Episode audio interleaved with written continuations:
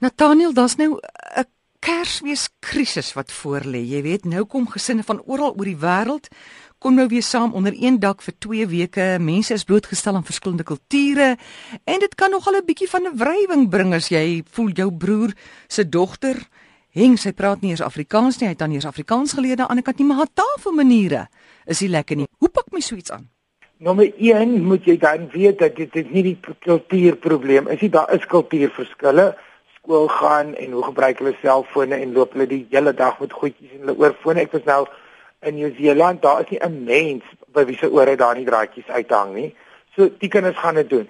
Maniere self lê die blame vir jou broer of jou suster of jou familie wanneer dit hulle wat hulle grootmaak en glo my altyd hulle hier gewoon sal die maniere net so vrot wees. Nommer 1 wat jy in gedagte moet hou is jy het jouself hier ingekry. Niemand forceer niemand meer. Ons is almal groot in 'n moderne wêreld. As jy onder een dak gaan met mense, moet jy weet jy dapperheid nodig. Jy het 'n voorskrif nodig vir urbanols. Jy vreet al 'n pak rescue remedy in die kar op. jy moet vir emosioneel die Here in jou hart kry en vir jou voorberei. Dit is nie hoe 'n mens eintlik die geboorte van die Here vier as jy nie soos in my familie wat ons 'n joy is vir mekaar onder een dak nie. Nie almal het die blessing om beste vriende te wees en te wees, die meeste families het krisisse en ellende. Jy laat vir jou daarin en al wat jy vir jouself die hele tyd sê is dis tydelik. Mm. Dis tydelik. Dit gaan verby. Dis tydelik.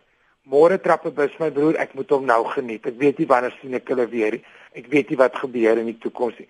Maak dit jou fokuspunt. En 'n kind is 'n kind. Ja, gaan by die huis uit. Stuur vir hom strand toe. Sê vir hom om die dak gaan verf. Whatever. Maar um, jy kan daar iets sê of jy kan met hom praat en sê oor hierso die broer en so ek weet dit so en so dit is dit is nie maar in my en so nie dit maak my kinders gespanne hmm. of die mekaar of ek sien jou dogter rook na al die tafeldoek maar ek wil nie my kinders moet dit doen nie gee jy onnet met haar te praat maak as jy vir kwaad is soos vir haar pop hmm. whatever doen dit net so mooi en met die doel dat dit nie vir jou irriteer nie maar dat jy jou kinders beskerm of moontlike brandstigting wil vermy hmm. Maar dit is dit is 'n taweltjie. Dit moenie iets sê in 'n vertrek nie. As dit regtig geen ander plan het nie. Praat met die ouer van die kind in privaatheid en ligtelik, nie ernstig nie wat julle trek nie nou saam in nie. Dis tydelik. Dis die wagwoord hier is tydelik. Tydelik. Dan sê Anne Marie, ek is 40 plus jare getroud met 'n wonderlike man.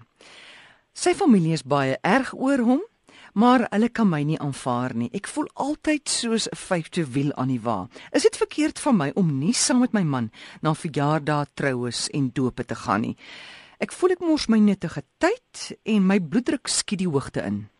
OK, as jy wegbly en so is dit vir jou dan beter en dit is vir die familie beter as nie van nou nie. Jy kan nie 'n vierkant by 'n sirkel indruk en al daai goeders doen na 40 jaar. Jy's te oud nou vir nonsens. Elke oomblik in jou lewe is kosbaar. Die enigste mens aan wie jy hoef te dank hierso is jou man. Jy praat met hom daaroor en sê ek het nou genoeg gehad. Ons kom goed oor die weg. Ek en jou familie se dae is getel. So, van nou af is dit met jou fyn as ek wegbly vir dit en dit, maar ek het jou lief. Ek gaan met jou saam wanneer jy my nodig het. Dien die enigste dalk minder verspanning vir die man om sonder jou te gaan iets bywoon op 'n sekere stadium in 101 voel hy ongemaklik by sekere geleenthede. Dis tussen jou en jou man, dit is jou enigste prioriteit. Jou nee, jou tweede prioriteit. Jou eerste prioriteit is teenoor jouself op jou ouderdom, na 40 jaar moet jy die lewe begin geniet. Jy moet weet dat jou tyd is kosbaar. Ek het vriende wat getroud is vir jare, hulle doodgelukkig, hulle mans kom nooit saam met hulle vir my nie ek vir hulle. Dis is doodfyn. Dit is gesond om mense is nie siamees nie, jy's getroud. Dit is gesond om goed apart te doen en jy het vrede met die skoon familie. Jy sien jy moet hulle nie hanteer hulle met hoflikheid wanneer jy hulle wel sien. Lieg as jy wil lieg of sê sy sien les nie of sy sê sy haar familie of whatever, dis nie jou probleem. Maar praat met jou man. Hy gaan jou nodig hê op 'n sekere tyd wil hy jou daar hê en op 'n sekere tyd nie. Dis tussen julle.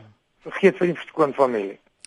Laastens, Nathaniel gee ons 'n kerstafel geheim dit is om te kyk na iets op 'n ander manier. Ek glo 'n tafel moet jy hoef nie alles nie te hê nie. Jy hoef nie alles so Ek krap goed hier in my kaste uit wat ek nooit gebruik het nie.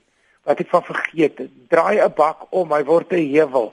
Koop iets blink, sit ietsie blink op. My liefste is ek deel gou nou alles. Ek het net 'n blik goue spruit by hierdie kersies. As jy lank stil staan, spruit ek vir jou goud. Ek spruit appels goud, ek spruit kersse goud. Die belangrikste van 'n oorspronklike kerstafel moenie vir jou finansiëel ruïneer nie. Moenie jou gaste gespanne maak deur jou duurste duurste kristaal wat beter in jou vriendekring pas of mense wat self soortgelyk voel goed as 'n plek met familie en kinders nie. Maak jou tafel dat dit mooi is. Die grootste geheim dag of nag bly 'n kers. Niks hmm. sê liefde, geloof, hoop, voorspoed, drome, opwinding en vreugde soos 'n kersie nie. En soos wat dit nou gaan met Eskom, uit 'n kersie 'n plek die hele dag. Tel dennebolle op iewers, gaan tel 'n skulp op op die strand, skryf 'n Bybelteks op 'n klip, vat blare en goed doen iets met jou hand, maak iets. Ons Kersfees hoef nie te lyk like die hele tyd of 'n knoffelbrood ontplof het nie. Alles hoef nie te blink. 'n Kersbrand, lunchtyd en in die aand en iets vars. Al ruk jy ivy van die bure se heining af, sit ietsie vars op jou tafel, maar moenie veel doodmaak nie. Maak dit net beautiful.